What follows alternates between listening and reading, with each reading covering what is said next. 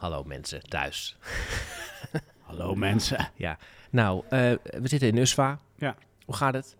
Goed? Mooi. Ja hoor. Je bent een aardappel vandaag maar weer eens voor Ik de ben vandaag een aardappel en ik heb mijn wandelbroek alvast aan, want ik ga vanmiddag van Delfzijl naar Termunten wandelen. Maar je bent nog in Groningen nu. Dus dan moet je eerst nog naar Delfzijl. Met de auto, want ik moet daarna door naar Wongema. Nou, het is weer een hele logistieke operatie. Maar dan staat die auto in Delfzijl. En dan ga ik met de bus van Termunten naar Delfzijl. Vandaag ook nog. Zeker. Wat een hele rare dag. Een hele rare dag. En dan ook dit nog. Eh, wie gaan we bellen? Ik, ja, ik, we hebben eigenlijk heel mooi verdeeld weer. Twee om twee, volgens mij. Ja. Ehm, ik wilde graag bellen met Maaike van der Aar. Zij he- hebben, we hebben haar eerder gebeld. Zij is van FNV Jeugdzorg. Er is deze week een eh, akkoord gekomen tussen gemeente en de staat over de jeugdzorg. Dat lijkt een soort van nou ja, tussenoplossing te zijn, maar zij reageerde vervolgens weer heel erg fel. Ja. En we gaan bellen op mijn verzoek met Jimmy Dijk, raadslid eh, eh, namens de SP hier in, eh, in Groningen. Eh, maar eh, gaat Maarten Heijk, SP-Kamerlid, vervangen? Want die gaat weg uit de Kamer en gaat dus naar Den Haag. En toen Ja. zei jij, leuk Bram hoor, allemaal die leuke gasten, politiek en zo. Maar ik wil wel graag bellen met... Ja, ik dacht, eh, Michel Scholten is een goed idee om mee te bellen. Ehm, misschien heeft u het wel gezien als u in Groningen of een van de andere twee steden waar de pilot gedraaid wordt in de AH2Go. Ja, Was dat een hele zin? Ja. volgens mij wel. Jazeker. Ehm, eh, ja, je mag eh, de echte prijs van je koffie betalen. Dus wil je koemelk, eh, wil je havermelk. Nou, dat komt allemaal op verschillende prijzen uit. En dat is om, denk ik, de consumenten te leren dat ze de juiste prijs moeten betalen. Nou, Dagblad van het Noorden deed weer een van de memorabele polls. en iedereen vond, iedereen vond dat Albert Heijn dat verdomme zelf moet betalen.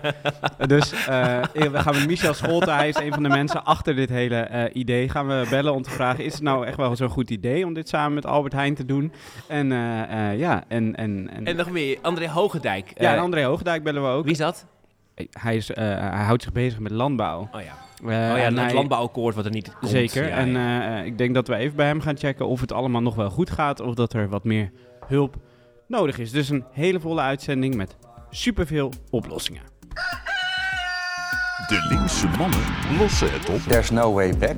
We zullen duurzamer moeten. De linkse mannen lossen het Het is op. de natste januari sinds 1948. De linkse mannen lossen het op. Eerst een beetje een rare ondergangsstemming.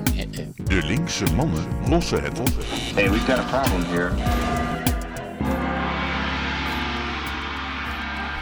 En we hebben weer ongesponsorde Madeleine, zo'n broodje van eigen deeg. Ja, ik was een beetje laat en toen dacht ik, ik kan nog wel wat later komen. Ik haal nog even wat Ja, lekkers. dan valt alles weg meteen. Ja, Oh. wel. Ehm, kan ik nog iets voor jou oplossen eigenlijk? Nee, Oké. nee, het gaat wel goed. Ik eh, had een leuke week. Ik ga, ik, misschien, misschien wel een leuk nieuwtje. Ik ga in een woongemeenschap wonen. Dat is Dat elke week hier. Jij bent, eh, je bent echt een slipfiguur. Het is elke week weer Een een lopend experiment. Nee, maar eh, ja, ik dacht dat past bij mijn waarde. ik, ben er ik, ben, ik ben er zat van om alleen te wonen. En toen waar, ehm, waar dan? eh, in, in de Oude Oh, Boteringstraat. wel in de stad. Die gaan Ja, niet weer nee, naar nee, Termunten of Delfzijl nee, of nee, wat dan ook. nee, eh. nee, nee, Oké, nee. Ik wandel gewoon vanmiddag met een... eh, eh, nou, van, van, vanmiddag, Oh, de vanmiddag ga ik wandelen. Boteringenstraat. Waar is dat dan in woongezicht? Ja, eh, eh, op nummer 57. Oké. Naast een Vindicathuis. Echt het Vindicathuis waar de Praces ook woont. Zo Maar is dat, ik. dat is volgens mij, ik, I kid you not, dat is de oude USFA. Is dat de oude Is USVA? het op de hoek het witte gebouw? Nee, nee, nee. Het is, de- nee, het is aan de andere kant. Het is de, een geel gebouw. Oh. Dus eh, nee, voor mij eigenlijk niks op te lossen. Het gaat best wel goed. Ik ben blij dat de zon schijnt. En voor jou dan? Eh, nee. Ik denk het. Ik heb een... Nee. Nee? We kunnen wel zeggen dat, dat er op, op Noorderzon iets leuks aan zit te komen, denk ik. hè? Ja, dat is misschien leuk. We Ja. gaan Linkse Mannen vijf keer op Noorderzon doen in een festivalformat. En dat, is, dat wordt de première van onze festivalversie. Die Ja. daarna hopelijk nog op heel veel andere festivals heel lang te zien zal zijn. Ja, dat wordt smullen. Dat wordt smullen, maar daarover Ja. later veel meer. Laten we eh, gaan bellen. Eh. Over tot de orde van de dag. We beginnen met Maaike van der Aar, FNV Jeugdzorg. En dat gaat dus over het eh, jeugdzorgakkoord. Wat er is gesloten tussen gemeente en de staat. Ja. Je moet staat zeggen, heb je geleerd. Hè? Je mag Dus niet over, staat. Rijksoverheid, je moet Ah, staat Oh, zeggen. de staat. De staat, inderdaad. Ehm, nou, daar waren mensen wel gelukkig mee. Maar is het nou echt de oplossing? Dag Mike. Goedemorgen Maaike. Bram Douws, linkse mannen. En Wilbert, hallo. Hallo. Hallo. Ja, ik, zeg ik leg net uit aan Wilbert. Die heeft het misschien iets minder goed gevolgd. Ja, u hoort ook mensen op de achtergrond, Oh. Maaike. En ook thuis trouwens. We zitten in een café waar mensen met elkaar praten. Dat hoort Oh, zo. gezellig. inderdaad. Ehm, ja, er is een akkoord gesloten dus tussen eh, gemeente en de staat. Ehm, Ja, dus eh, ja, de vlag kon uit natuurlijk bij jeugdzorg en bij FNV Jeugdzorg. nou helemaal niet. Want ehm, het leek er eerst even op alsof de bezuiniging werd verzacht.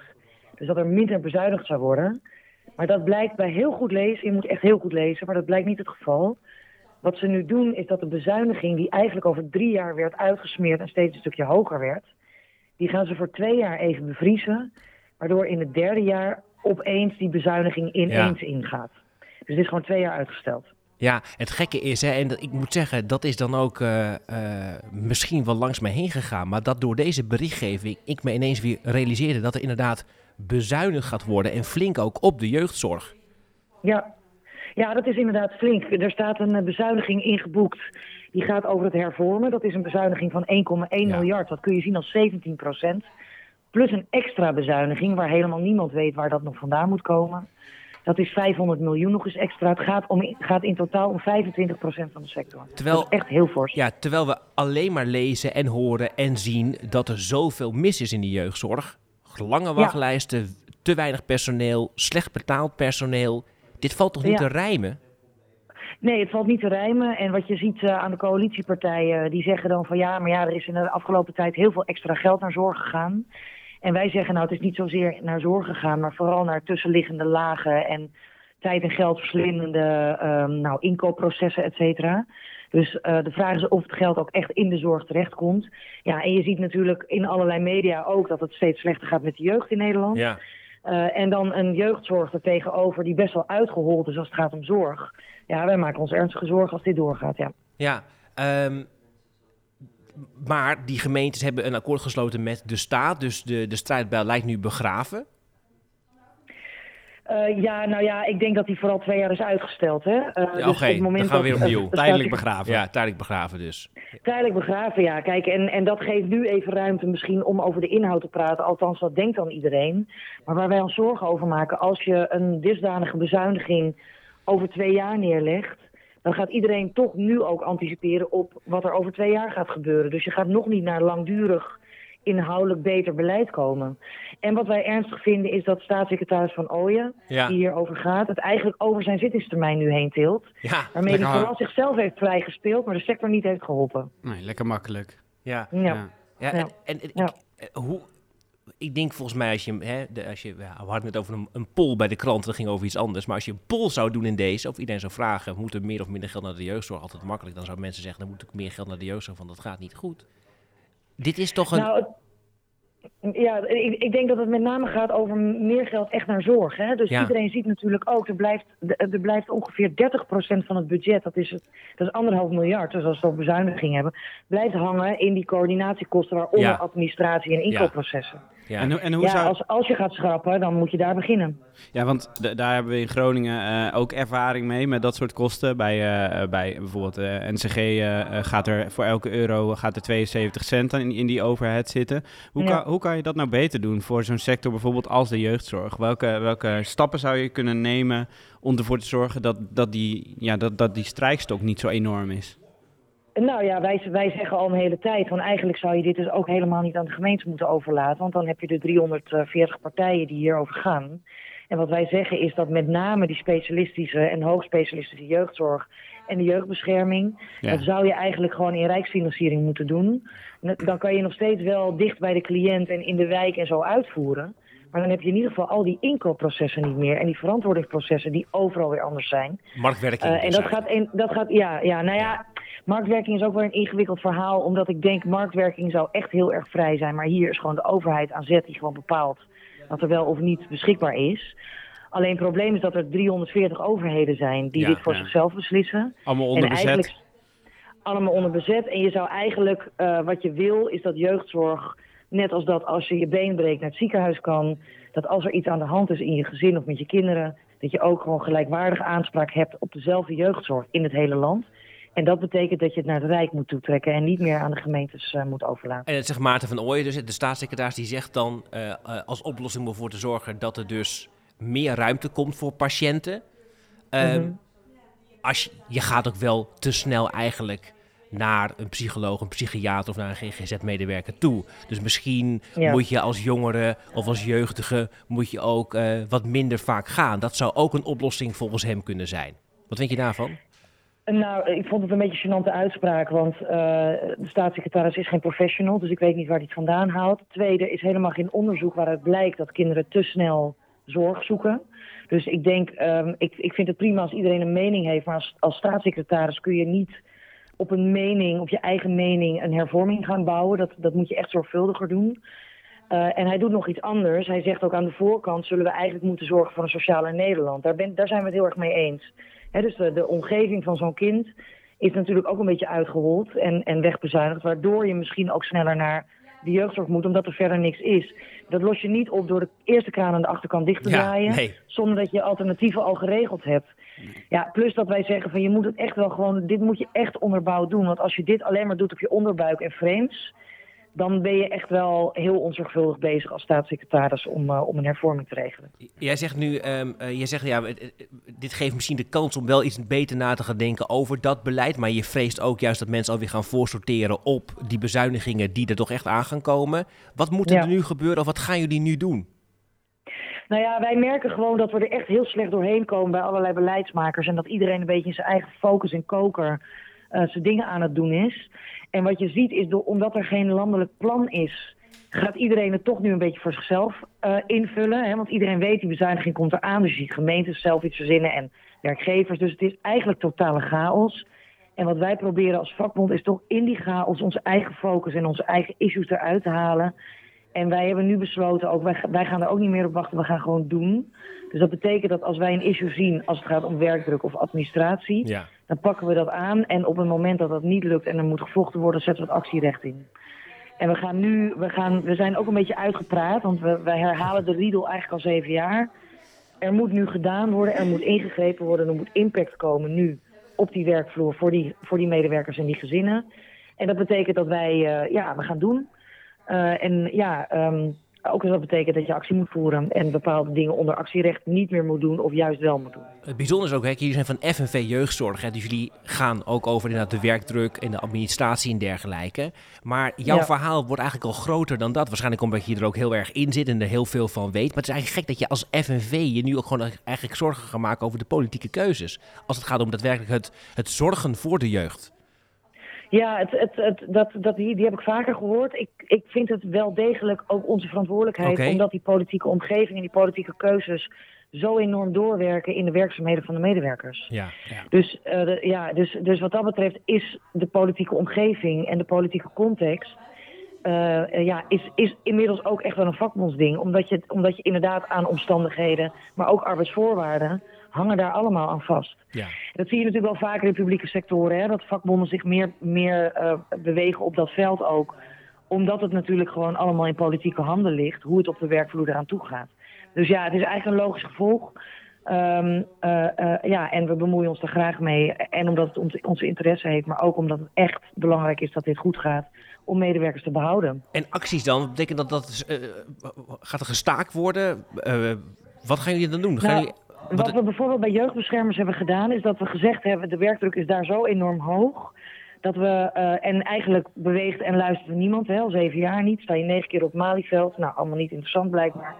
En wat we toen gedaan hebben, is dat we zeggen: dan gaan we zelf werk uit onze handen laten vallen. Gaan we zelf kiezen wat we niet meer doen. ja. En dat hebben we in oplopende trap gedaan. Dat doe je dan onder actierecht, zodat mensen daar geen arbeidsrechtelijke gevolgen van kunnen ondervinden.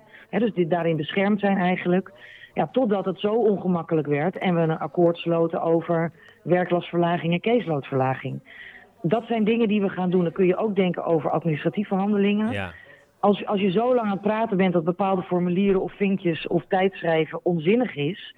En eigen, we, we hebben daar al afspraken over gemaakt, maar het gebeurt maar niet. Dan moet je na een bepaalde tijd, en zeker na zeven jaar, waar, waar- waarin we al bezig zijn, ook zeggen van dat een ander niet beweegt op wat wij al heel lang zeggen, moet ook consequenties hebben als we onszelf serieus nemen. ja. Dus dat betekent dat we ons gedrag gaan veranderen.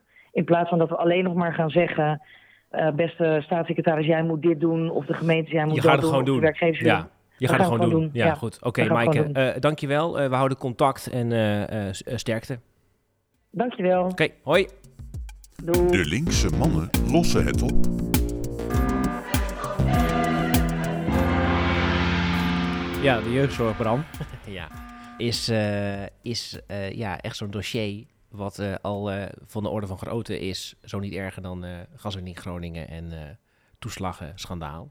Als je het hebt over geen vertrouwen en dingen gewoon niet regelen, dan Maar op, kan je terecht bij de jeugdzorg. ja, op een of andere manier landt dat maar deels of zo. En gaat er, vrees ik, nog ergens in de komende jaren dan iets heel ergs gebeuren. Waardoor in één keer de impact eh, nog veel duidelijker wordt. Het is echt, nou ja, schofterig. Ik zat zo te denken, maar dat is, niet, dat is voor nu te groot. En dat is ook een beetje te filosofisch. Van, eh, ik was in, op Borkum. Dit gaat ergens heen. Dit is Nou, gelijk al heel groot en filosofisch, Ja. inderdaad. Ja. En daar was ik omdat een goede vriendin van ons, eh, met kinderen, die deed daar een moeder-kindkoer. Een Duitse. Die- Die woont in Oh Leipzig ja, en die dat was zei er daar. Die ja. had een, een moeder-kindweekend of zo. Moeder-kindweekend. En dat wordt door de staat betaald. En dat is gewoon om ervoor te zorgen dat de moeder even in haar drie weken lang gewoon eh, kan lezen, sporten. Kinderen worden goed verzorgd, goed eten. Gewoon een soort van, eh, eh, nou ja, bijna een retraite zou je kunnen zeggen. Ja. Een, een kuur. Investeren in je relatie Ja, zodat je- moeder en kind. Maar ook zelf uitrusten, zodat je daarna weer eh, thuis en op je werk weer gewoon een beter mens bent. Hè, dat is de Duitse verzorgingsstaat. Nou, dat is natuurlijk bijna ondenkbaar dat je zoiets voor elkaar krijgt op dit moment in Nederland. Dus als we over die verzorgingsstaat spreken in Nederland, hebben we het vaak over dat we dat dingen moeten anders organiseren, aanpassen, meer, minder geld. Ik denk, moeten we niet gewoon eens helemaal opnieuw beginnen met nadenken wat anno nu een verzorgingsstaat betekent. Dit hele systeem met al die toeslagen, huurtoeslag, zorgtoeslag, eh Ja, we hebben een soort van hele domme kerstboom eh, opgetuigd. Het, Ja. het is compleet niet meer duidelijk voor mensen wat ze moeten doen. Nee, maar en als dan de overheid, of de staat, zegt, eh, nee, echt de overheid in dit geval, het kabinet zegt, we gaan twee jaar lang in ieder geval die bezuinigingen bevriezen. Doe dan, ga het dan in die twee jaar opnieuw uitvinden in plaats van daarna weer door op de ingeslagen weg. Wat een gedoe. Wat een je zegt eigenlijk, we doen het twee jaar niet en dan doen we het En alsnog. dan gaan we weer door. Ja, dat is, nou goed. We gaan bellen met Jimmy Dijk. Jimmy Dijk is eh, bijna raadslid af in Groningen. Ja. Gaat naar eh, Den Haag, eh, volgt daar Maarten Heijink op. eh, en gaat dus eh, eindelijk, zou ik willen zeggen, naar Den Haag. Want eh, dat, hij stond altijd wel eens op de lijst van de Tweede Kamer. Dat hij dat Dat is altijd een beetje onduidelijk. Zijn droom is uitgekomen. Zijn droom is uitgekomen. Toch Jimmy? Je droom is uitgekomen hè? Ja, dit is een vurige wens die ik al had toen ik een klein kind was. Ja, rechtstreeks de Tweede Kamer in. Zo, Ja, dat is lekker Dat is binnenkomen. mooi. Hey, eh, ik moet eerst nog even, dat is wel belangrijk, hè, want als wij met elkaar praten, hebben we het altijd deels over politiek, maar ook altijd deels over voetbal. Ja, Nu het wij hoor, maar, maar jullie denk Wij ik, of Bram, niet? Bram, Bram en Bram- Jimmy. Bram en Jimmy. Ah, ik niet. Eh, en eh, Ja. het is, dit is op vrijdagochtend, wordt dit dan opgenomen. Eh, eh, moeten we nog even over Feyenoord praten, Jimmy? Want dat is jouw club. Ja weet ik niet, wil je, wil je, wil je een ontzettende downer? Of, eh? Ja. Wat Ben je erg, ja, Feyenoord is gisteren in Europe, bij Europees voetbal uitgeschakeld. Oh, Ja, dus alles, alles valt uiteindelijk uit de handen van Feyenoord. Ze zouden alles gaan winnen, maar er blijft bijna niks meer over, toch eh, Jimmy? Nee, dat kampioenschap dat, eh, zit er gewoon aan te komen. Oh, Nog een goed. paar weekjes en dan kunnen we naar de koolsing. Goed, nou, prima. Eh, goed, dat, tot zover voetbal in, eh in tijdens de Linkse Mannen. Veel die afhakers. kijkt. ja, goed, dit was hem. Ehm, ja, het- hoe lang, dit, dit, dit was natuurlijk al echt heel lang in de verwachting dat jij eens die kamer inging, maar het lukte steeds net niet. Ja, bij de vorige Kamerverkiezingen hadden we natuurlijk eh, negen zetels en ik stond op plek 10. Eh, dus ja, dat het er waarschijnlijk de komende jaren een keer aan zat te komen dat er iemand zou stoppen, dat, eh, dat eh, kan gebeuren in zo'n eh, periode. Dus je houdt er wel enigszins rekening mee, dat klopt. Ja, en nu gaan Maarten Heijink gaat stoppen en je volgt hem op, maar Ma- Maarten Heijink is niet het enige Kamerlid dat stopt, wel van de SP, maar niet van andere partijen. Het is een beetje een leegloop lijkt het wel de afgelopen weken. Ja, ik zie dat inderdaad eh, ehm, eh, best wel wat Kamerleden nu beslissen om, om te stoppen. Ik denk dat het bij sommige partijen zoals het CDA er ook wel mee te maken heeft dat het eh, niet lekker gaat bij die partij. En terwijl er heel veel te doen is voor, eh, voor hun. Ehm, maar ik denk ook wel dat het Kamerlidmaatschap niet iets is wat je je hele leven doet. Volgens mij is dat ook, eh, is dat ook prima. En ik heb het ergens ook wel genoemd, in ieder geval in onze partij. Het is geen, het is geen, het is geen sprint, maar een soort, een soort estafette. Dus ik kan ook wel goed voorstellen als iemand als Maarten 17 jaar eh, in de Tweede 17 Kamer jaar, heeft ja, gewerkt. ongelooflijk. eh, dat hij het stokje even wil overdragen. Dan mag kan je me wel ja, voorstellen. ja, heb je er zin in?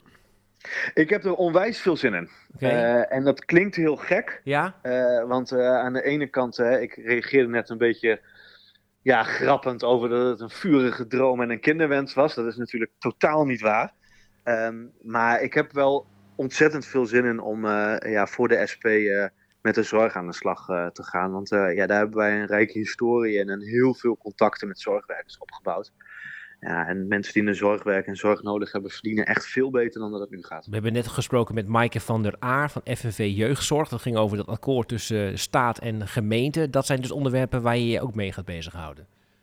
Ja, nou ga ik de hele zorg doen, uh, behalve de jeugdzorg. Ai. Maar ik, uh, Ja, ik, ik, ik- ja, je zal er dan absoluut niet aan ontkomen en dat hoeft ook, uh, en dat hoeft ook niet.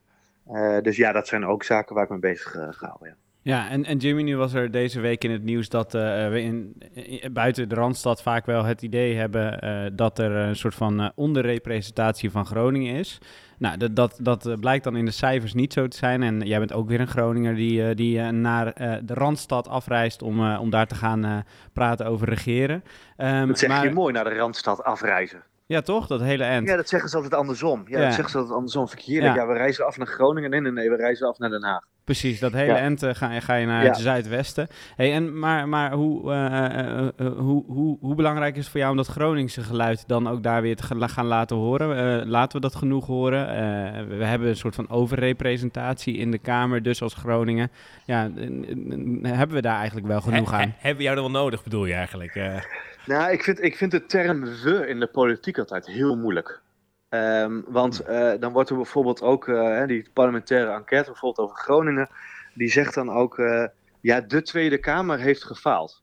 En dan denk je, ja, de Tweede Kamer, de Tweede Kamer, alsof het één, alsof het één entiteit is. Ja, Nee. Sandra, Sandra Beckerman niet echt, denk ik. Nee, nou dat bedoel ik, dat is precies mijn punt. Eh, dus we, de Tweede Kamer, en ik hoor het, eh, ik heb- ben 12,5 jaar gemeenteraadslid geweest, we, de gemeenteraad. Ja, ik geloof daar niet in. Nee. Ehm, eh, wat volgens mij een gegeven is, is dat we nu 12,5 jaar Rutte hebben gehad. Ja. En de verschillende kabinetten Rutte met verschillende, eh, eh, in verschillende samenstellingen, ja, die hebben gefaald. Die partijen hebben constant het belang van groot geld eh, in plaats van Groningen voorop laten, laten lopen. Ja, die hebben gefaald, ja, dat klopt. Ja, en ga jij dan dat Groningse geluid ook specifiek laten horen? Of, of wordt dat al wel genoeg verkondigd daar, daar in Den Haag? Nou, kijk, ik, ik ben een geboren Groninger. Ik kom ook uit het, van het platteland van Groningen. Ik kom uit Oldenzaal. Ehm, eh, ik denk dat eh, misschien horen jullie het eh, als linkse mannen uit Groningen niet meer. Maar ik schijn volgens mijn collega's in Den Haag van de partij schijn ik toch een Groningse tongval te hebben. Dus daar ontkom je niet aan.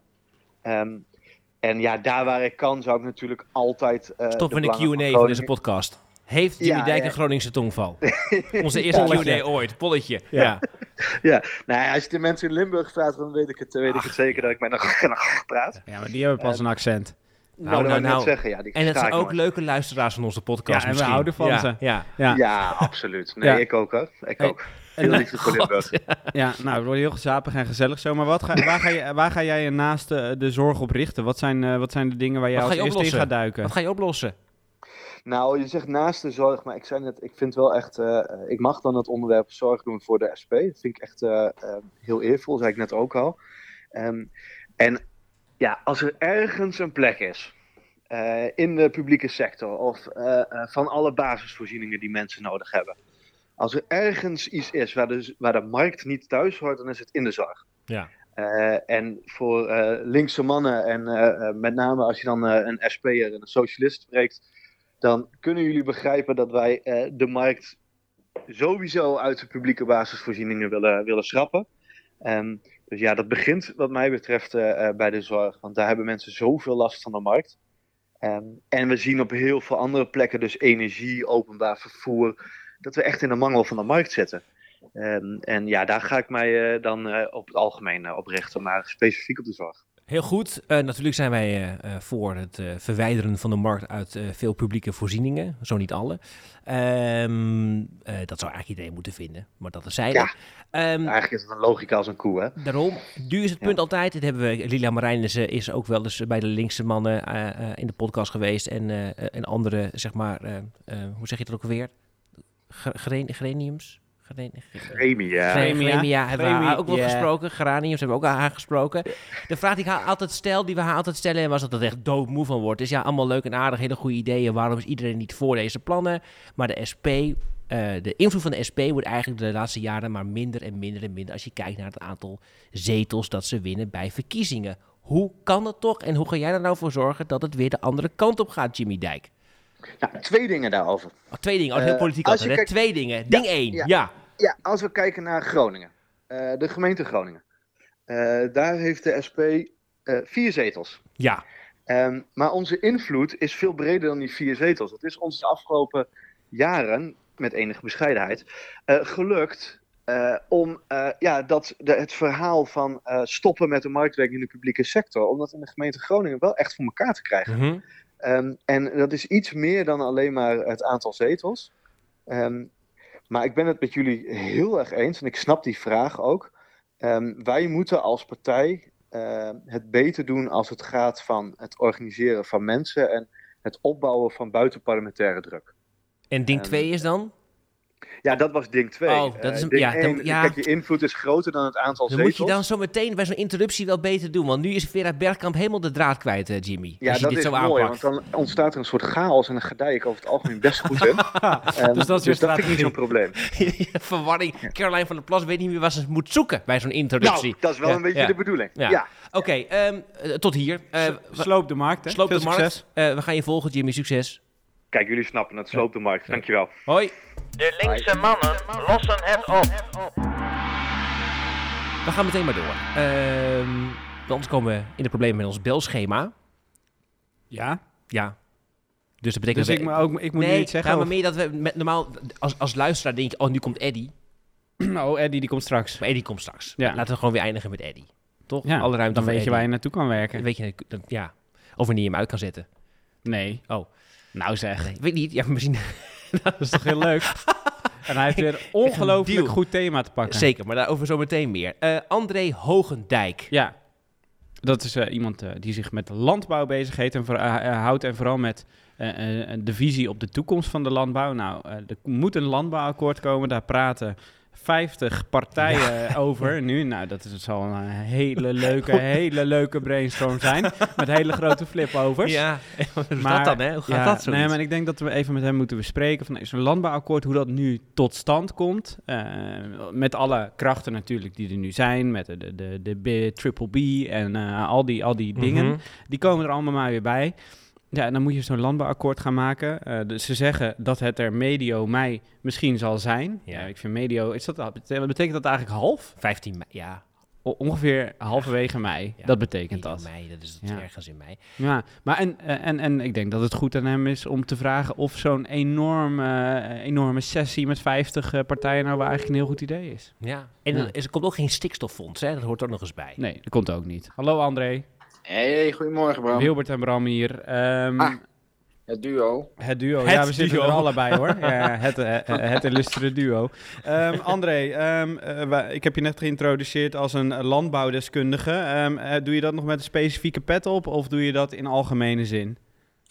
In algemene zin lijkt mij prima. Ik ben eh, historicus en landbouwkundige, dus dat is het beste, denk ik. Ik, denk, ik vermoed dat je niet specifiek een akkerbouwverhaal wilt, tenzij je daarop zit te wachten natuurlijk. Nee, want ja, we spreken heel vaak eh, ambtenaren en die houden meer van eh, integrale visie. Dus wat dat Juist. betreft eh, gaan, wij, gaan wij voor een integraal Iteratief verhaal. proces. Een iteratief proces, ja. Nou, hey, en er is een ongelooflijk iteratief proces aan de gang in Den Haag. En onder druk ook van natuurlijk die, die uitslag van de provinciale statenverkiezingen. Ehm, het op losse schroeven zetten van, van, de stikstof, van het stikstofakkoord en, en alle jaartallen die daarbij horen. Nou, in, in die hele, eh, nou ja, niet per se shitshow, maar wel lastige situatie moet er nu een landbouwakkoord komen. En daar praten 50 partijen over mee. Ehm, Mhm. gaat, het, gaat het een beetje werken, denk je? Ik denk het eigenlijk wel. Het zijn natuurlijk moeizame gesprekken, maar ehm, ja, je ziet eigenlijk, er is een jaar of tien eigenlijk zijn dit soort gesprekken niet geweest. Dus ja, we zeggen ook wel tegen elkaar in de sector, het landbouwakkoord is gewoon één grote therapiesessie. Oh ja. En, zo- en zo werkt het ook, zowel voor de partijen onderling als ook voor het contact met het ministerie. Ehm, en dan gaat, eh, ik, ik denk, of ik heb er vertrouwen in dat er iets uit gaat komen. Waar ja, mijn grootste zorg zit. ehm, en daar kwam gisteren toevallig een rapport over van de Raad van State. Dat is over de slagkracht van de overheid. En ook in het landbouwakkoord gaan we met elkaar afspraken maken. Nou, dat is mooi. En vervolgens gaat daar een strik omheen. Dat gaat naar de Tweede Kamer toe. En dan komt er een vrolijke fotosessie. En dan is, iedereen blij. Maar uiteindelijk staan er afspraken in. Ehm, en wie gaat dat dan uitvoeren? Wie gaat dat dan doen? Ja, dan zie je eigenlijk dat de uitvoeringskracht eh, van zowel de sector als de overheid, ja, die grenst aan nul. Ja. Ehm, en dat is wel een vraag, hoe ga je dat dan nog met elkaar oplossen? En daar wordt nog niet over nagedacht. Nee, want even, even, heel even uitzoomen voordat we inderdaad erover gaan hebben eh, hoe we dat oplossen en wie dat dan misschien wel kan doen. Eh, waarom is zo'n landbouwakkoord nodig? Nou, ik denk vooral om wat rust en duidelijkheid te geven en om te zorgen dat er nu echt zaken gaan beginnen. Ik denk, het is van, voor boeren is het van belang dat zij een, uh, een horizon hebben waarmee ze kunnen werken. Dus dat ze een duidelijke opdracht hebben, ook van de maatschappij. Van daar gaan we heen, over 15 of 20 jaar. Ja. Dan kunnen ze die kant op gaan werken, kunnen ze ook op gaan investeren. Um, als er goede afspraken zijn, ook rondom stikstof en dergelijke, kunnen ook de vergunning, de vergunningsverlening kan weer op, op gang komen. Dan gaat eigenlijk de trein weer rijden. Um, ja, en, en, dat is eigenlijk ook wat je wilt met z'n allen. Ik denk dat het, ja. André, zo'n landbouwakkoord, dat, dat is dus essentieel. Uh, dat is logisch. Maar als die 50 partijen toch uh, wel met elkaar op een bordesachtige plek uh, gaan samenkomen, op de foto gaan en gelukkig zijn met het akkoord. En dat zijn dus nou ja, al, die, al die partijen die ook nou ja, nogal pontificaal in het nieuws zijn geweest. Dan is het toch ook een, een, een, voor provincies die nu colleges moeten gaan vormen of staten moeten gaan vormen, die akkoorden moeten sluiten, toch een, een, geweldig middel om dat akkoord te gebruiken, om dat te gaan uitvoeren in hun eigen plannen. Zo niet ook de Tweede Kamer en de Eerste Kamer. Ja, dus een deel van de uitvoering ligt ook bij de, bij de, de provincies. Hè. Dat Ja. gaat dan om die, eh, dat nationaal programma Landelijk Gebied, hè, wat nu elke provincie een eigen Ja, plan voor aan het maken is. Ja, daar zitten allerlei bouwstenen straks in het landbouwakkoord waar zij mee in hun provincie mee aan de slag kunnen. Dat klopt. Ja, dus het is toch een. ehm, ik, snap wel in dat. eh, ik snap het probleem van die uitvoeringen. Dat zei Tom de Graaf, de Raad van State, zei dat. Hè. We, we bedenken allemaal dingen. We, we stoppen dan. We zeggen er moet meer geld daar naartoe, daar naartoe. Maar eigenlijk weten we helemaal niet hoe we dat moeten organiseren. Maar als zo'n landbouwakkoord lukt en iedereen staat erachter, kan het toch juist voor heel veel rust zorgen. En juist eh, eh, een gezond toekomstperspectief voor iedereen. En goede nieuwe afspraken. Dat is de bedoeling, dat is Ja. de bedoeling. Maar Alleen, is dat- eh, ja. ja. Eh, denk ik, de provincies kunnen dat bij lange na niet aan. Nee, de oké. ja. provincies eh, zijn ook niet altijd de meest logische plek voor alle afspraken. Ja. Nou, Dan ja, krijg je dat en, weer, en dat ja. is, ja, Ja. want eh, dat is waar we eh, Ja. net bij de jeugdzorg hadden, we, hadden we het ook daarover. Nou, er, er moet dan bezuinigd worden, maar er wordt niet bezuinigd op de partij eh, die, het, eh, die het eigenlijk toch al niet echt goed kan regelen. Dan ben ik wel benieuwd of jij, of jij denkt eh, dat er een oplossing hierin is. Is, is er bijvoorbeeld, zou je een goede uitvoeringsorganisatie hiervoor op poten moeten zetten? Zou je het bijvoorbeeld, of zou je het bij het Rijk moeten laten? Moet je het weghalen bij de provincies? Wat, wat is de beste stap die we zouden kunnen zetten om in ieder geval zo'n landbouwakkoord ten dele uit te, voeren? Ja, nou ik denk je hebt ehm, eigenlijk je moet het werk van de landbouw op twee assen zien, zeg maar, een x-as en een y-as. En je hebt een, dingen die je regionaal doet. Nou, daar heb je de provincies voor. En die zullen binnen de provincies nog specifiek voor regio's daar plannen maken. Zoals bijvoorbeeld voor de Achterhoek of eh, voor de kop van Noord-Holland, dat soort regio's. Eh, en je hebt zaken die wil je gewoon landelijk gaan uitvoeren, zoals voor melkvee, voor akkerbouw, voor bloembollen, voor, echt voor agrarische sectoren, dat je daar afspraken maakt. En dingen die je eigenlijk in het hele land wil gaan doen. Bijvoorbeeld, je wil in het hele land bijvoorbeeld aan die stikstofdeken gaan werken, hè, Mhm. om, dat, eh, om die kleiner te gaan maken. Of in het hele land betere waterkwaliteit. En dan heb je in de provincie of in een regio heb je daar specifieke vragen voor. Maar je hebt dingen die je sowieso met z'n allen wil doen. En voor die landelijke aanpak, ja, daar ontbreekt nu eigenlijk een uitvoeringsorganisatie voor. Die was er vroeger wel, of die waren er vroeger wel. Die zijn afgeschaft Uiteraard. eh, in 2010 met het eerste kabinet Rutte. Uiteraard. Oh, toevallig. Nou, hoe komt dat nou ja, bij elkaar ja. eventjes, hè? Dat, is, eh, dat komt vaak weer terug, denk ik, in jullie gesprekken. Bijna altijd, Ehm, ja. Dus dat zien we hier ook. Dus voor de sector hadden we een aantal dingen, partijen met uitvoeringskracht. Dat was eh, voor de uitvoering in de regio was dat de dienst landelijk gebied.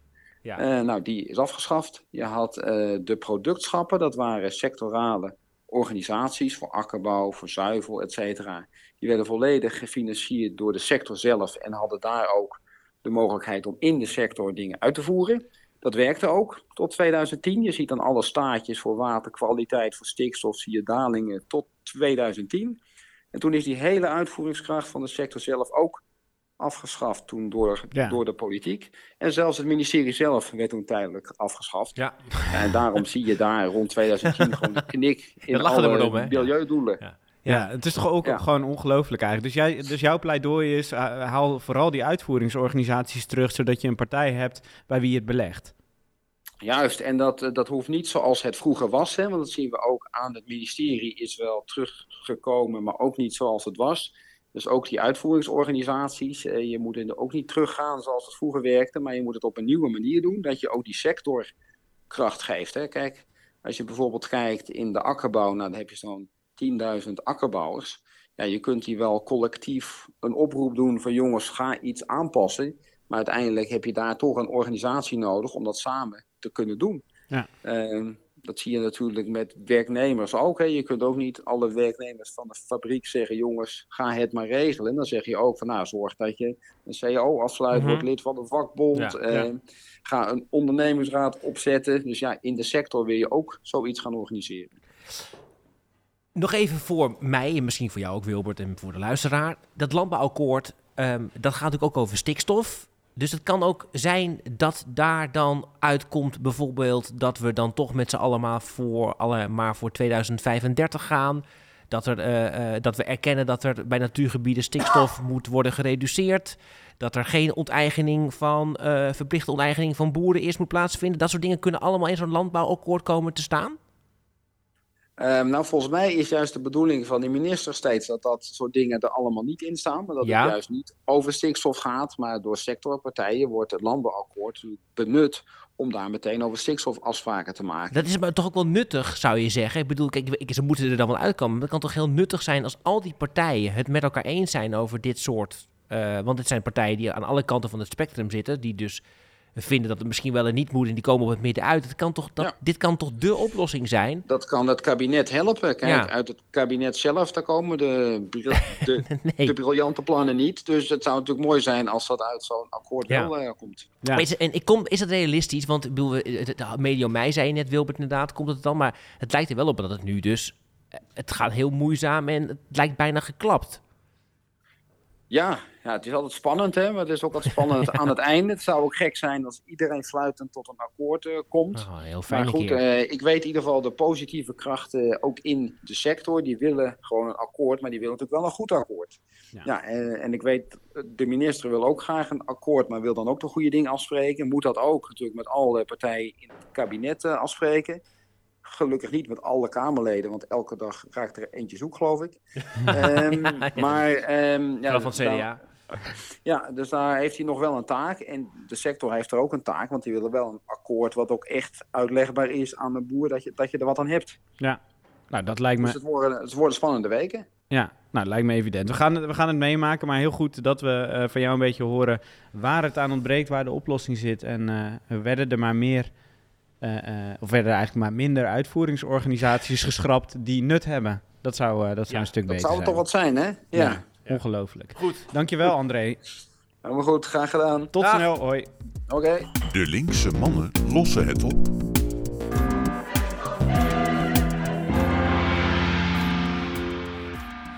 Ik vind het wel bijzonder, want bij uitvoeringsorganisatie, dan denk ik ook meteen weer aan... IMG, NCG, Ja, denk je dan al ook aan? die dingen die dan misgaan.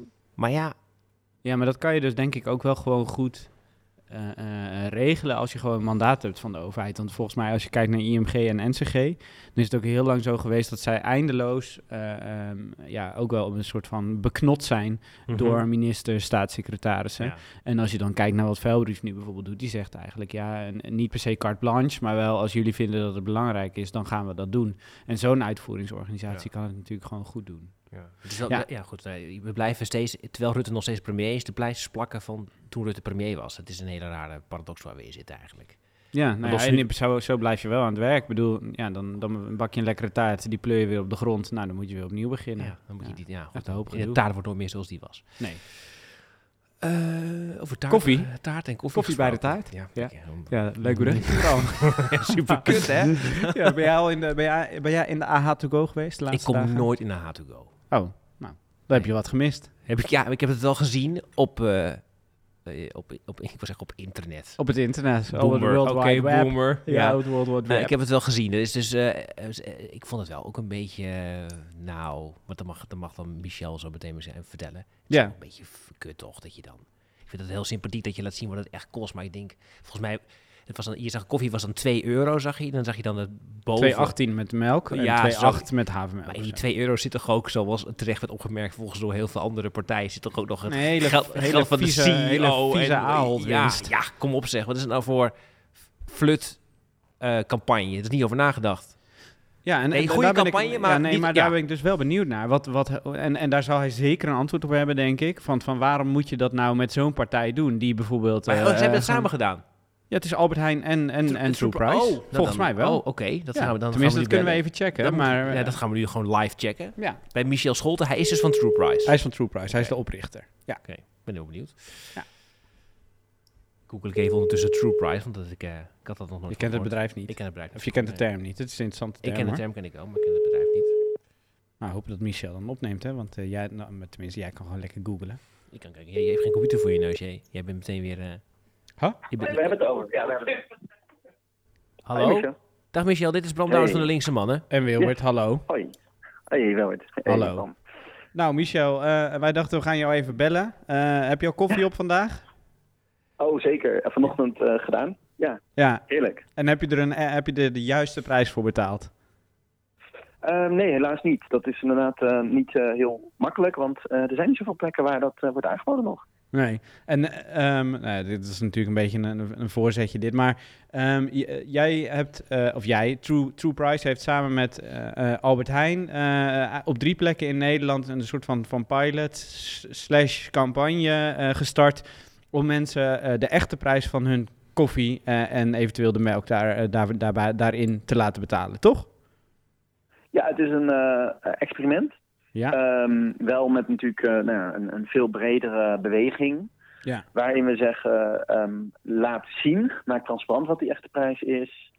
Geef mensen de keuze om dan op basis daarvan alternatieven af te wegen. En tot slot, geef de vrijwillige betalingsmogelijkheid om daar dan ook eh, ja, voor af te rekenen. Ja, en daar komen allemaal technische en praktische dingen bij. En ook, en ook, en ook wel wat vragen, denk ik, die wij zo meteen nog wel zullen stellen. Maar even, even Ja. voordat, we, voordat we daarin duiken, een, een, een, een true price. Wat, wat is dat eigenlijk? Hoe, hoe kom je tot een, eh, eh, tot, een, tot een echte en een goede en een eerlijke, ik denk dat die laatste misschien de beste, beste term is, eh, prijs voor een product zoals bijvoorbeeld koffie? Wat we doen, we traceren de herkomst van ingrediënten. Dat is stap 1. Dan kijken we bijvoorbeeld naar ja, koffie, een blend uit Brazilië, uit Ethiopië. Ethiopische bonen, Braziliëse, Braziliaanse bonen. Eh, melk, eh, koeienmelk uit Duitsland. Eh, boeren daar, melkveehouders en havermelk uit Finland. Havervlokken die verwerkt zijn.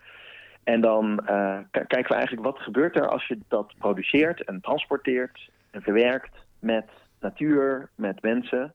En dan toetsen we in hoeverre dat eh, voldoet aan mensenrechten, en klimaat- en milieurechten conventies. Zoals het eh, ja, Parijsakkoord, eh, waar dan is afgesproken dat we binnen de anderhalve graden, Mhm. tenminste well below 2 degrees, ver onder 2 graden opwarming willen blijven. Maar ook bijvoorbeeld biodiversiteit, waar we zeggen er moet een mate van rijkdom van soorten zijn. Ook Ja. veel. maar ook bijvoorbeeld ja, onderbetaling, onderverdiening van werknemers. Dat is iets wat je niet wil in de context van de eh werkconventies eh, van de internationale ehm, arbeidsorganisatie. eh, de, de ILO. En we toetsen dus fundamenteel wat de normen hoe, in hoeverre die waardeketens voldoen die normen. En als dat er niet aan voldoet, en dat is dan pijnlijk genoeg het geval, dan kijken we hoeveel kost het om te herstellen, Ja. te compenseren en te voorkomen. Ja. En dan ja, breek je eigenlijk de, natuur, de factuur van de natuur, of de factuur van, eh, ja, van, van mensenrechten. En dat Ja. laten we zien. Dat is, dat is wat we doen. Ja, en dat is een flinke rekensom, denk ik. Maar even voor, voor, voor ons idee. Het is dus zo dat we niet de eerlijke prijs van veel producten betalen als je, als je, als je daarnaar kijkt. Of in ieder geval bij koffie, eh, bij de Albert Heijn, was dat niet het geval. Dingen doet, en we doen dat al meer dan tien jaar, hoe weinig ehm, daar eigenlijk ehm, inzicht in wordt geboden. Dus alleen al transparantie ontbreekt ehm, gigantisch. Eh, je hebt, eh, ja, noem het, eh, plaatjes van blaadjes, certificering, labeltjes, maar dat zegt eigenlijk niet zoveel in dat opzicht voor dit specifieke vraagstuk. En inderdaad, eh, dat is vaak een heel groot bedrag. En we hebben het bijvoorbeeld voor de levensmiddelen, of eigenlijk over voedselvoeding in het bijzonder eh, berekend voor alle landen in de wereld, eh, voor de Verenigde Naties. Vorig jaar eh, tijdens de voedseltop van eh, de VN. En daar kwam eh, uit dat er ja, echt zo'n 200% boven de eh, totale ehm, noem het, eh, ja, productie- en consumptiewaarde. dus eh, dat is 11, of dat is 9000 miljard dollar per jaar wordt er uitgegeven aan voedsel. En je moet er nog zo'n 200% bovenop tellen, wil je afrekenen voor alle sociale milieukosten. En dan hebben we daar ook gezondheidsschade bij opgeteld. Dus dat was nog even een aparte categorie. En dan kom je dus op een gigantische eh, Ja. jaarlijkse som. En dat verklaart natuurlijk al die crisis die we de hele tijd Ja, Michel, heel goed volgens mij. Ik denk dat het heel goed is dat we een eerlijke prijs gaan betalen. Maar wat ik dan niet zo goed begrijp, en volgens mij eh, heb je die eh, kritiek ook wel gelezen, is dat het gaat wel uit van een vast bedrag, bijvoorbeeld voor een cappuccino van 2 euro of, of- nou ja, om en nabij. Maar in die 2 euro zit natuurlijk ook gewoon het, het, ja, de winst van Ahold. Helder.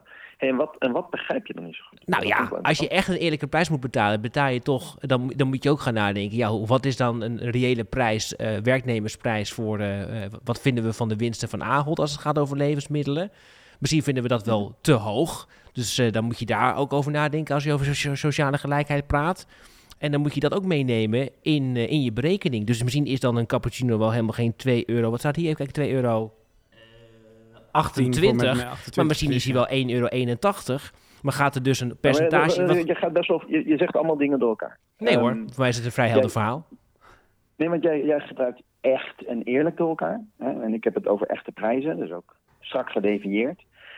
We kijken naar eh, internationale conventies, waar vanuit de Verenigde Naties landen ehm, bijeen zijn gekomen over decennia en hebben gezegd: Nou, dit zijn mensenrechten, dat vinden we niet onderhandelbaar. Nee, maar daar, wat En even mis- Maar, maar de, vraag, de van Bram is denk ik Daar vooral van, is, over, is nou die. Albert Heijn dan, is nou die Albert Heijn dan, eh, of eigenlijk, ik, ik kan hem iets vriendelijker stellen dan Ja. Bram hem misschien stelt. De vraag is, is vooral ook, is Albert Heijn dan eh, eh, de juiste plek om dit te doen en, en waarom kiezen jullie ervoor om zo'n experiment bijvoorbeeld in de Albert Heijn te doen? Ehm, want je kan je ook afvragen of de winsten die zij maken eh, en, en, en het geld waar zij dingen aan uitgeven uiteindelijk wel de, eh, ja, de beste methode is om tot een, eh, tot een duurzamere wereld te komen. dat, dat, dat vind ik een leg- op zichzelf staande legitieme vraag om ehm, de, de, de, de marges of de prijsopbouw ehm, ja, ter discussie te stellen. Dat staat op zichzelf. Ja. Ehm, maar ik denk dat het wel belangrijk is om de echte maatschappelijke en milieukosten die er nog eh, zijn, die worden afgewenteld a- eh, op de samenleving, om het daar ook over te hebben. Mhm. En het is niet zo dat als ehm, je het over het één hebt, namelijk de maatschappelijke milieukosten, dat dat een soort van gedisqualificeerd wordt als je het niet over iets anders hebt. En dat is wel, denk ik, gewoon inhoudelijk een belangrijk punt. Ja. Het een sluit het ander niet uit. Als je het hebt over maatschappelijke en milieukosten, kan je het ook hebben over marges, prijsopbouw. Maar het is niet zo, als je het hebt over maatschappelijke milieukosten, dat je dan op een bepaalde manier het een legitimeert of zo. Dat je zegt van nou, oh, het is fantastisch dat er eh, monsterwinsten worden gemaakt over de rug van ehm, mensen die in de energiearmoede zitten. Of dat er, eh, noem het, ehm, ja, onevenredig prijzen worden verhoogd. Dat is Ja. niet wat, wat, wat dit uitdraagt. Wij maken het nog extra pregnant dat het best wel, ja, noem het niet alleen vervelend is voor mensen dat ze gewoon meer eh, moeten betalen. En dat er inderdaad in een soort van, ja, eh, een, een- soort van crisis, eh, misschien opportunistisch, eh, hè, volgens het Centraal Planbureau, sorry, voor het, eh, volgens het Centraal eh, Planbureau is er, dat zijn nu de ramingen in de levensmiddelenindustrie 5,6 procent Ja. Ja. extra ehm, bovenop de energiekosten eh, prijzen verhoogd. Nou, wat daar bij Albert Heijn of bij eh, andere spelers in de keten b- bij geplust is, dat is nog niet heel makkelijk te zeggen. Maar er worden wel zeker ehm, dingen gedaan die gewoon niet door de beugel kunnen. We hebben een eerder rapport gezien van Oxfam Novib. Tussen eigenlijk vanaf het begin van de coronacrisis tot nu is er 450 miljard dollar bijgeplust voor de grootste handels- en uh, voedselbedrijven ja, bedrijven en Ja. ook energiebedrijven. Hè. We hebben de monsterwinst gezien van, eh, van Shell. Ik heb dat echt jaar in jaar uit uitgedragen, daar aandacht voor gevraagd en Ja. daar ook ehm, altijd mijn verontwaardiging over uitgesproken. Ja, nee, maar En het is ook vooral... Dat, dat, niet, eh, dat het niet zo is dat als dat zo, eh, als die ene, dat ene probleem is, dat je het dan niet kan hebben over een aanpalend probleem, waar heel veel overlap ook ehm, zit. Hè? Want laten we niet vergeten dat die energiecrisis, waarin eigenlijk hè, in die, in die sch- schimmigheid van, we wisten niet, tenminste heel veel van de eh, leveranciers, eh, die moeten dan een prijs eh, voorstellen. En die Ja. kunnen dan eigenlijk een soort eigen prijs bedenken van, oh, we anticiperen op een verhoging van de energieprijs. Of we anticiperen Nee, maar, dat, maar Michel, dat begrijpen, we, dat begrijpen we ook. Hè? Maar Maar dat het, komt het is... omdat externaliteiten niet in de eerste plaats niet zijn meegenomen. Hè? Dus die, die, die, dat, dat, dat Gazprom-gas, Ja. Russisch gas, dat is Maar we hoeven geen. Michel, we hoeven geen verhandelingen te doen over, de, over zeg maar, de energie. Dat, Oké. dat, sta- Nee, dat- nee, dat maar, snappen we maar, inderdaad maar wel. ik, ik denk Maar ook, en, wat wel heel goed is, ja, maar wat wel, wat wel goed is aan jouw punt, en maar waarom we het ook wel willen vragen, is omdat er dan hier in Dagblad Noor- Ja. van het Noorden bijvoorbeeld zo'n polletje komt, eh, eh, een poll, Ja, sorry, excuses, ik moet het geen polletje noemen, een poll komt en dat daar wordt gezegd van, hé, hey, eh, laat Albert Heijn die verhoging zelf betalen. En jij zegt eigenlijk, en dat, dat vind ik wel heel duidelijk, jij zegt eigenlijk, ja, je moet die twee dingen niet met elkaar verbinden. Je kan aan de ene kant het hebben over dat daar, dat daar misschien iets mee is. En aan de andere kant met elkaar een experiment doen en kijken, wordt die juiste prijs dan betaald? En ik ben, ik ben wel benieuwd en, en daarna moeten we ook gaan ophangen. Maar ik ben wel benieuwd, Nou, waarom? gaan Ik jullie... vind het een goed gesprek. Ja, maar Bram, we hebben niet eindeloze Nee, ja, tijd. maar- hè? Nee, maar, maar eh, waar Ja, ik maar- wel benieuwd naar ben is, eh, ehm, hoe gaan jullie, of eh, brengen jullie dan nu ook in kaart hoeveel mensen dat, dat daadwerkelijk willen betalen? Ehm, hebben jullie daar Hm. nog vervolgafspraken over gemaakt? Van hey, als dat succesvol is, dan gaan we dat breder doen. En, en bijvoorbeeld dat, die extra prijs die, die nu gevraagd wordt, gaat die, gaat die dan Ja. ook naar, naar verbeteringen toe? Of zit dat nog niet in dit, dit experiment, maar is dat iets voor later? Ehm, ja, dus we hebben. Dat zijn, oh, je hebt heel veel vragen weer eh, in één eh, zin. En ook. ehm, ik probeer ze allemaal te beantwoorden, maar het is wel lastig. ehm. Ehm, dus. Vraag, eh, vraag de- 1 is eigenlijk, ga je ja. het meten? Dus ja, houden jullie bij hoeveel... bij. hoeveel, ja, hoeveel... Zeker, of Albert Heijn houdt dat bij. Ja, Ja? zeker. En daar, daar hopen we inderdaad. Nou ja, daar, daar kunnen we van leren. hè. Ja. ja. En vraag En wat is 2 vraag was dan eh, was, was vooral van, eh, gaat, ga, wat gaan jullie dan, eh, wordt dat geld nu apart gehouden en gaan jullie daar dan iets mee doen of is dat voor een later experiment? Nee, dat is absoluut wel nu ehm, iets wat we met Rainforest Alliance, die doen projecten in Oost-Afrika bij Ethiopische koffieboeren. En dat wordt daarvoor gebruikt. Het gaat niet naar Albert Heijn, het gaat niet naar ons of naar True Price, True Price Foundation. Het gaat echt naar die ehm, doelen om de levensomstandigheden daar te verbeteren. Vind ik zelf ook nog wel uitdagend hoor. Want we hebben het bijvoorbeeld ook over melk uit Duitsland, over ehm, havermelk uit Finland. Dus daar moeten we denk ik ook nog kijken van hoe kan je zorgen dat daar een, ja, het, het meest transparant, traceerbaar, efficiënt, effectieve eh, oplossing voor nou ja, bijvoorbeeld de klimaatschade, eh, onderbetaling, onderverdiening. Hoe kan dat worden ehm, ja, gefinancierd? Maar dat is, dat is inderdaad, hoewel ik het heel graag anders zou zien. Dat het Ja. allemaal al helemaal uitgekristalliseerd was. Dit is echt, nog wel pionieren. Ja. Je moet het een beetje zien als een raketlancering. dat gaat ook niet altijd goed, of vaak dan eh, na een aantal keer proberen wel. Ja. Wij zijn nu tien jaar bezig. En eh, we werken op allerlei niveaus. Dit is niet de eerste keer. We werken al twee jaar lang met een supermarkt in, eh, de, eh, in Amsterdam. Waar al 100.000 transacties zijn geweest met de echte prijs. Ja. Waar we ook die remediekosten in de ketens ja, proberen nu ehm, eh, uit te geven aan het verbeteren van bijvoorbeeld grondwater en lucht. Ja, Ja, dus het is allemaal wat. Ja, dit is gewoon. Dit is een van de grootste uitdagingen die er op dit moment speelt. Maar Ja. wat ik nog wil zeggen over dat punt van. Want ik, ik zie inderdaad, en ik vind dat ook eh, ergens heel terecht, hè, dat mensen daar dan getriggerd worden om het te hebben over marges. Het is wel degelijk zo dat natuurlijk een van de oplossingen is dat er een andere verdeling plaatsvindt. Ja. ja, En dat als er partijen zijn die heel veel proportioneel zichzelf financieel toe-eigenen, terwijl er niet wordt afgerekend voor de maatschappelijke kosten, dat het best wel raar is.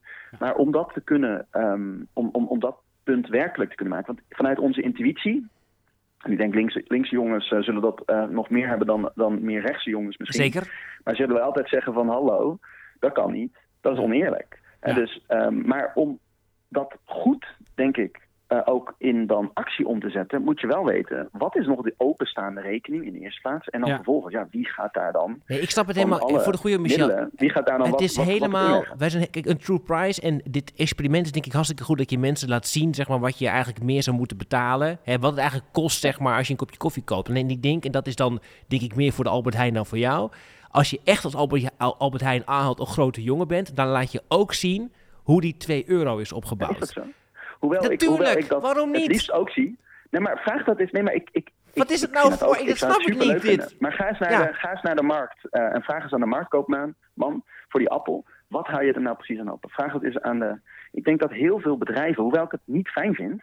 in de praktijk zie je wel dat ze best wel ehm, gevoelig eh, zijn. Maar waarom niet, Michel? Waarom niet dan? Waarom niet dan? Ja, dat is in de praktijk. Ik, hey, ik heb dat niet bedacht. Nee, maar Eh, waarom? ik vind het ook niet fijn. Maar het zou toch wel Maar ideaal zijn als het zo Ja, maar het zou toch wel goed zijn als het wel gebeurt. Voor een true price, ja, maar moet je voorstellen dat wij, als wij true price zouden berekenen, eerst even vragen, ga even je allergrootste, geheimzinnige, ehm, ja, noem het gevoelige, informatie op tafel leggen en pas dan gaan we de true price berekenen. Dat zou toch onmogelijk zijn? Wij willen gewoon even, even nu de Ik vraag snap voor jij, nee, dat snap ik voor jullie wel. Alleen ik zeg alleen, het zou zo goed zijn. Ik bedoel, ik snap ook wel dat, dat jij Ja, dat niet voor elkaar in, krijgt. In een wereld. In Juist. een ideale wereld zou dat heel goed zijn dat iedereen radicaal transparant is over alle eh, kosten en Laten alle daar, marges. ja, laten we dan daar, is- ja, goed, laten we dan daarover eens zijn. Dus dat En, is en, niet de wereld die we, die we, die we hebben. Nee, en de- ook, er zit nog wel een, een niet-triviaal probleem. Er is niet een wereldwijde standaard over wat eh, de verdeling zou moeten zijn. Wij we gaan- werken daar Michel, we moeten, zelf ook aan. ja, we, gaan, we moeten dit gesprek nog een keer voortzetten. Misschien op een andere plek, ook een keer live. Want volgens mij hebben we hier iets te pakken waar we wel wat meer mee kunnen dan, eh, dan in deze podcast. Dankjewel voor je tijd nu in ieder geval. En ga door met True Price. wel. Dat wel. Ja, en jullie ook met, met pod- podcast maken. We hebben contact. Super, eh, super bedankt. doei. Hoi, hoi. De linkse mannen lossen het op.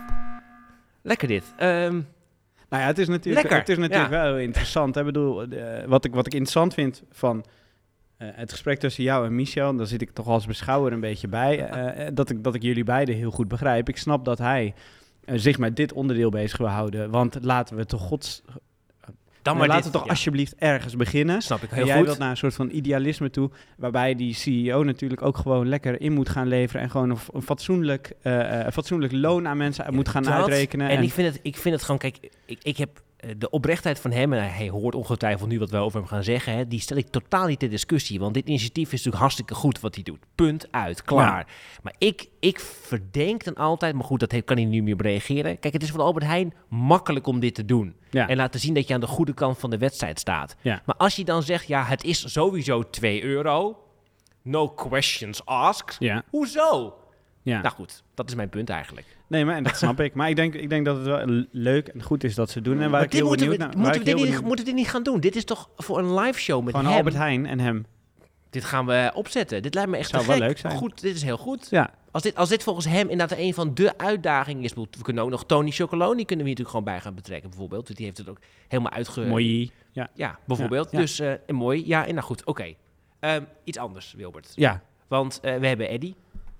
Ook nog, die wacht maar in, die wacht maar... tot hij eindelijk mag inbellen bij ons. Die staat maar op locatie. Ja. En die staat maar op locatie. Moet ik het... eh, eh, en die is... Ja, dat is, dat is eigenlijk een verzoek van jou geweest, geloof ik, hè? Jij wilde Eddy ergens daarheen sturen deze week. ja. Wat was het ook alweer? Eh, ja, een flitspaal. Hij Oh, staat, ja, bij, ja. hij staat bij een flitspaal. Nou ja, ik kan er wel iets meer over vertellen. Bij mij in het dorp, of eh, tenminste in het dorp van Wongema, dus Hoornhuizen, is, is op dit moment een- in de, eh, in de dorps-appgroep een enorm gesprek over te hoge snelheden in het dorp. En, en mensen knallen maar door het dorp en de gemeente stuurt een mail terug met, ja, wij, wij lezen dan de gegevens van, eh, weet ik veel, telefoons uit. Nou, kom je dan achter hè, dat Ja. ze dat doen. Maar daarmee melden ze dat gemiddeld genomen wordt er 33 km per uur door het dorp gereden nou, wordt. Ehm, maar het dorp heeft gewoon het gevoel eh, dat mensen er veel harder rijden. Nou, en dan, en dan kan je zeggen, zet er toch alsjeblieft een flitspaal neer... of zet een paar hele grote palen neer... zodat mensen in ieder geval moeten remmen. Maar je kan het ook op een andere manier oplossen. En ik dacht, volgens mij is dat wel heel erg leuk om, eh, om Eddie naartoe te Ja. sturen. Kan ook op een positieve manier. Ja, ik sta hier in Emmen, in de wijk Emmermeer om precies te zijn. En daar wordt, u hoort hem wellicht al op de achtergrond, geëxperimenteerd met het antwoord op de flitspaal, de Safety Safe. Een ledscherm dat een bedrag in de pot gooit op het moment dat een passerende automobilist zich simpelweg aan de snelheidslimiet houdt. Ja, ik loop even een stukje dichterbij. En dan hoort u het. Er komt op dit moment een auto langs. Ja, en dan hoort u het. Het is een behoorlijk geluid, moet ik zeggen. Ik moet mijn oren erbij dicht eh, doen. Ehm, een fietser nu. En dan gebeurt er ook iets. Good morning, zegt hij. Good morning. Nou, ja. Ja, ook zo. En eh, ja, u hoort het, dames en heren, de safety safe. Het is een experiment, maar een geslaagde, dat moet de tijd uitwijzen. Ik zeg tot zover. Eddie Oethoen, Emmermeer, Emmen. De linkse mannen lossen het op. Oh, Mooi. Ja. Mooi, Eddie. Nou, ik kan niet, ik kan niet wachten tot eh, de eerste safety safe in Hoornhuizen, moet ik zeggen. Ja, Dit lijkt me echt een feest. Eh, resume. Eh, gesproken over jeugdzorg en over ehm, eh, ook het, het landbouwakkoord eigenlijk. Hè. Ja. En daarover wordt eigenlijk gezegd, eh het is allemaal gedecentraliseerd in Nederland. Onder Ja. de bezielende leiding van Mark Rutte hemzelf. Dat moet eigenlijk op, dat, dat kan niet meer. Dat is niet meer werkbaar. We moeten weer terug naar de staat. Hè. Dat Ja, is, los dat gewoon even. Ga daar een keer goed over nadenken. En zorg ervoor dat, dat je dat op, vervo- vervolgens op een goede manier uit kan voeren. Zonder dat je dat met allerlei mensen doet die überhaupt niks in de melk te brokkelen hebben. En dat je niet provincies en gemeenten en de staat, dat iedereen zijn eigen pad kiest, maar je moet dat gewoon met elkaar. Ja, ik vind dat wordt integraal ja, sorry. verschrikkelijk. Ja, maar het is een soort van sext richting ambtenaren. Een seks van ambt? Wat zeg Nee, een sext. Dat is een, een, pikant, een pikant appje. Richting ambtenaren is dat. Oh. Integraal. Als je iets integraal doet. Maar maakt niet uit. Oké. Boeien. Ja, ik ben geen ambtenaar. Nee. Jij wordt er Ehm, niet opgewonden van. Nee, totaal niet. Nee. Ehm, dat landbouwakkoord is, is super belangrijk. Dat kan wel eens eh, de reddingsboei zijn voor eh, het bij elkaar houden van het land. Mhm. En om te voorkomen dat Caroline, Caroline van der Plas premier van Nederland wordt over twee jaar. Ja. Leuke vrouw. Maar En goed dat ze er is, denk ik. Maar dat zou toch wel heel ver gaan. Dan Ja. gaan we van de regen in de drup. Eh, en die True Price, ik wil echt gaan kijken of we met Michel en, en, AH, en Ahold een, eh, hier een, eh, een avond, dat zal dan niet in Groningen zijn, denk ik. Dit moeten we dan, denk ik, maar dan gaan we weer naar de Randstad. moeten we maar eens even naar de Randstad gaan, denk ik. Maar um, dat lijkt me een goede linkse mannen. Want dit is een heel goed gesprek. Hij is hier fel in. En deze vragen die hij dus blijkbaar stelt of niet stelt aan Ahold, kunnen wij ook gaan stellen aan Ahold. Ahold. En ik wil, ik wil dat wel eens horen. En als het dat Ja. zo ingewikkeld is in die marges, et cetera, nou ja, dat ze dat dan maar vertellen. Ja. Ehm, dat was hem, weer. En eh, hebben we nog iemand anders gesproken eigenlijk? Eh, ja, dat hebben we wel meegenomen in dit overzicht, toch? Oh, Jimmy Dijk, ja. Oh Goed, ja, Jimmy hebben we gesproken. Jimmy, ja, was, ja, was gezellig, toch? Was gezellig. Met Feyenoord gaat het niet zo goed. En- Nou, jawel, gaat het wel goed met Feyenoord. En hij gaat... Beter eh, dan met FC Groningen. Dat, eh, daar, gaan we, daar, Daar gaan we niet over praten. Eh, daar gaan we zeker niet over praten. Nee. Dat lossen we nooit op. Dat gaan we oplossen op Noorderzon misschien, hè? Oh ja, Dat is een van de onderwerpen die we met Noorderzon in ieder geval even kort gaan behandelen. We gaan het zien. Voor nu in ieder geval, eh, eh, volgens mij een volle uitzending met een hoop oplossingen. Ja, toch? zeker. Nou, en, En, eh, volgende week zijn we er weer. Uiteraard. Ja. En verder nog iets? Nee, moedig voorwaarts. Ja. Houd moed. De linkse mannen lossen het op.